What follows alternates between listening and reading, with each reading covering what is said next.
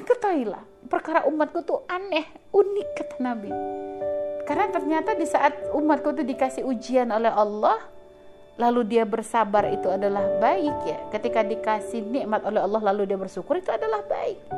Artinya mau dikasih nikmat ataukah dikasih ujian, asalkan kita tuh selalu ingat kepada Allah, maka semuanya akan menjadi baik.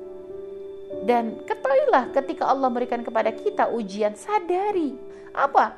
Ujian bagi seorang hamba itu bagi ahli iman yang pertama bisa menjadi sebab diampunkan dosanya. Atau bisa menjadi sebab diangkat derajatnya. Atau bisa menjadi tabungannya kelak di akhirat. Lihat. Jadi nggak ada yang nggak enak. Semuanya enak untuk umat Nabi asalkan dia ngerti jadi kalau orang diuji oleh Allah dengan apa pun sakit, kayak musibah, kehilangan ini itu dan sebagainya, yakini ini adalah waktu terdekat dia dengan Allah Subhanahu wa taala. Jadi jangan fokus kepada musibahnya tapi lihatlah nikmat Allah yang lain, maka dari situ kita akan bisa semakin mudah untuk bisa memanage hati kita untuk menjadi orang yang sabar, mengikuti kesabarannya Rasulullah Shallallahu alaihi wasallam. Wallahu a'lam bishawab.